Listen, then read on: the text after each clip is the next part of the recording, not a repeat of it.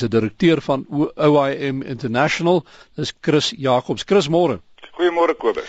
Die die stof in die rook oor hierdie voorval steek eintlik 'n klomp onderstrominge weg, nê. Nee. Dit jy weet dis nie 'n ding wat net gister ontstaan het nie. Kobus, definitief nie. Die uh, gevaarligte het al baie lank gebrand in hierdie opsig. En dit is jammer om te sê dit wil voorkom asof die gevaarligte geïgnoreer is. Daar was uh, voorbeelde van kangeroewe wat uh, plaasgevind het. Daar is en dit was uh aannames gewees oor oor 'n derde mag, maar mense sien ook dieselfde ding wat wat ons ongeveer in 1997 96 gesien het, ehm um, toe 'n soortgelyke uh voorval plaasgevind het in die Rustenburg omgewing waar die verkose leiers eenvoudig deur deur die lede verwerp is. Dis, en dis nou 'n geval van twee twee vakbonde wat nou hier begin kopstamp, uh, een wat redelik onlangs ontstaan het. Redelik onlangs in die sin van Kobus, hulle is meer as 'n dekade al die tweede hmm. vakbond of die jongste vakbond sal meer as 'n 'n dekade al aan die gang. Hmm. Maar hulle is redelik nie tot die Rustenburg omgewing. En wat na julle mening as jy nou kyk na wat hier gebeur het, waar waar het hierdie dinge skeef geloop? Wie moes ingegryp het wanneer? Kobus hier vir my 'n baie sterk afwesigheid van van leierskap gewees en en dan met die mense doekies omdraai nie. Ehm um, leierskap vanaf die regeringskant wat die wat die verantwoordelikheid het om sy burgers te beskerm. Ehm um, wat nie die gevaarligte behoorlik gelees het nie. Ek neem kennis dat dat eh uh, die minister ook sê dat daar was wel gesprekke aan die gang gewees en 'n mens verstaan dat gesprekke in geheimhouding ehm um, eers plaasvind omdat dit so sensitief is maar dit wil voorkom asof daar nie 'n behoorlike ingryp was nie. Die ander kant kan 'n mens ook sê dat die mynbedryf as sulks, die industrie reeds vroeër iets meer pertinent moes gedoen het hier rondom. En dan ek dink die grootste blame in terme van afwesigheid van leierskap kan 'n mens lê voor die die deur van die Unie leiers aan beide kante. Waar begin en waar eindig die werkgewer se verantwoordelikheid in so 'n konfliksituasie soos by Marikana? Dit is natuurlik 'n groot dilemma vir die werkgewer aangesien die werkgewer nie mag inmeng met 'n 'n wetlike entiteit of 'n soewereine entiteit soos 'n vakbond se werksaamhede nie.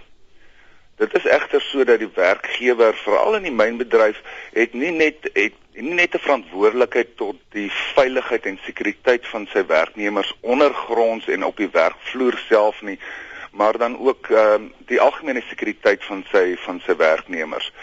So mense kom by 'n stadium waar die werkgewer ook moet besluit om te sê maar op hierdie stadium is dinge so ver hand uitgeruk dat ek nie net kan op die normale wyse binne die normale raamwerk as gevolg van 'n abnormale situasie kan kan funksioneer nie en daarom moet ingryp om om dan ook sy werknemers verder te beskerm.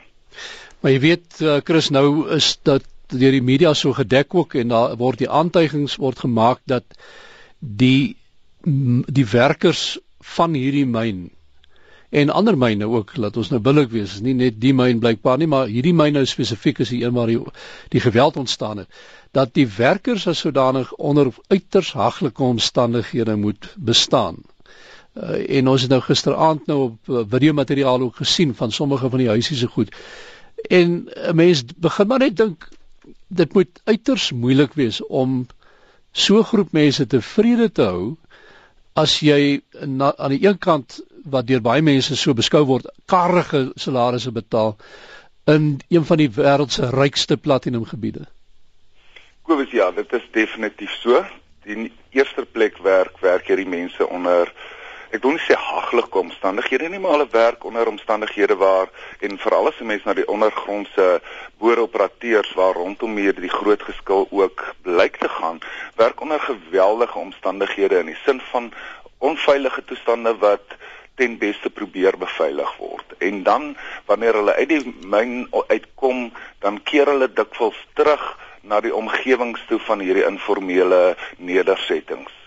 En dan moet 'n mens daarby bysê dat as jy gaan kyk na hoe hierdie hele situasie dan verder opgeklits word, kan 'n mens dan ook aanneem dat dat die verwagtinge wat geskep word deur leiers in die algemeen rondom verhogings en dan soos in hierdie geval 'n baie irrasionele verhoging maar dan ook rondom verwagtinge soos huisvesting wat veral deur politieke leiers oor die spektrum heen geskep word maar dan ook 'n tekort aan dienslewering. So 'n mens kan tot 'n groot mate begrip hê. Mens kan nooit ehm um, dit goed praat wat enigsins gebeur het nie, maar 'n mens kan verstaan dat frustrasie vlakke baie hoog is. Ons sien reg deur die land dinge soos dienste protes wat wat wat algemeen is in die land. So die die binne die land is die frustrasie vlakke baie hoog.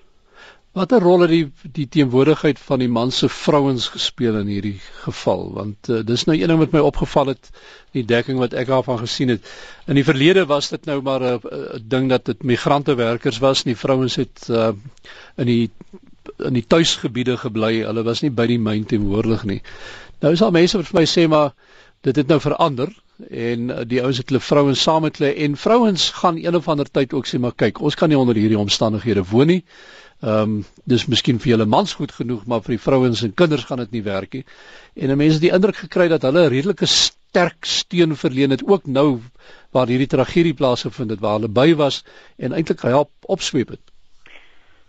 Weereens, mense moet baie versigtig wees rondom die interpretasie daarvan want daar hmm. kan velerlei interpretasies wees. Ek dink weer as mense net kyk na die na die algemene huisgesin sou dit bloot redelik wees van 'n vrou om te verwag dat uh as die man die eh, eh, die enigste bro, uh, broodwinner is dat hy iets beter kan verskaf as as blote 'n blik huisie. Mm. Die ander kant is ook waar dat wanneer die vrouens uh voor, soos voorheen opgetrek het na die koppie toe, ehm um, het dit gebleik dat daar 'n mate van opsweping plaasgevind het en dat die teenwoordigheid van die vrouens daartoe gelei het dat ehm um, die temperature net verder en verder gestyg het. Nou 'n mens moet baie versigtig wees om nie chauvinisties hieroor te klink mm. of ook etnies uh polities onkorrek voor te kom nie, maar dit wil wel voorkom Kobus asof dit wel die temperature hemelhoog laat skiet het ook. So om af te sluit, uh, Chris ongelukkig die tyd wat ons 'n bietjie begin inhaal, maar uh as mens hierdie ding moet opsom, wat ook al die bevindinge op die ou einde is, wat wel baie deeglik hier uitkom is dat daar 'n groot nood is aan kommunikasie, wederwysige kommunikasie en ook ek dink welwillendheid van die werkgewer se kant ook wat we gaan moet bewus wees dat hierdie mense hulle gaan weer opstaan as daar nie op een of ander manier hier reg opgetree word nie. Kobus baie reg. Die die die feit wat 'n mens hier moet verstaan is is dat bloot net deur 'n juridiese ondersoek te doen gaan nie die oorsprong van die probleme aanspreek nie. Dit is 'n totale proses wat maande gaan neem. Ons het die vorige keer gesien met Anglo Platinum ook en die onderus wat daar is waarby ons self direk by betrokke was. Dit neem maande om so 'n proses behoorlik aan die gang te kry en die regte resultate aan te spreek. Wat baie bekend sal moet gemaak word is dat die leiers sal leierskap moet toon, mekaar rondom die tafel moet ontmoet en hierdie goed sal afgewentel moet word na die algemene werker wat ook opgevoed sal moet word rondom regte en verantwoordelikhede. Dis nie goed genoeg om net te hmm. weet ek mag staak nie. Dit is ook reg om te weet dat saam met my regte kom bepaalde verantwoordelikhede. So sê Chris Jacobs, hy is direkteur van OIM International en 'n uh, spesialis op die gebied van konflikresolusie by myne.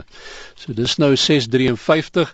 Ons deel 'n paar SMS'e van luisteraars gekry. Ek wil net benadruk dat uh, ons is nie in 'n posisie om ondersoek in te stel self na wie is skuldig aan wat in hierdie hele tragedie nie en ons is beslis nie besig om krities te staan of kritiek te lewer teenoor die Suid-Afrikaanse polisie diens onder die omstandighede nie. Ons weet nie presies wat daar gebeur het of wat die lont aangesteek het nie en dis ook nie vir ons om dit te besluit of kritiek te lewer in daardie opsig nie.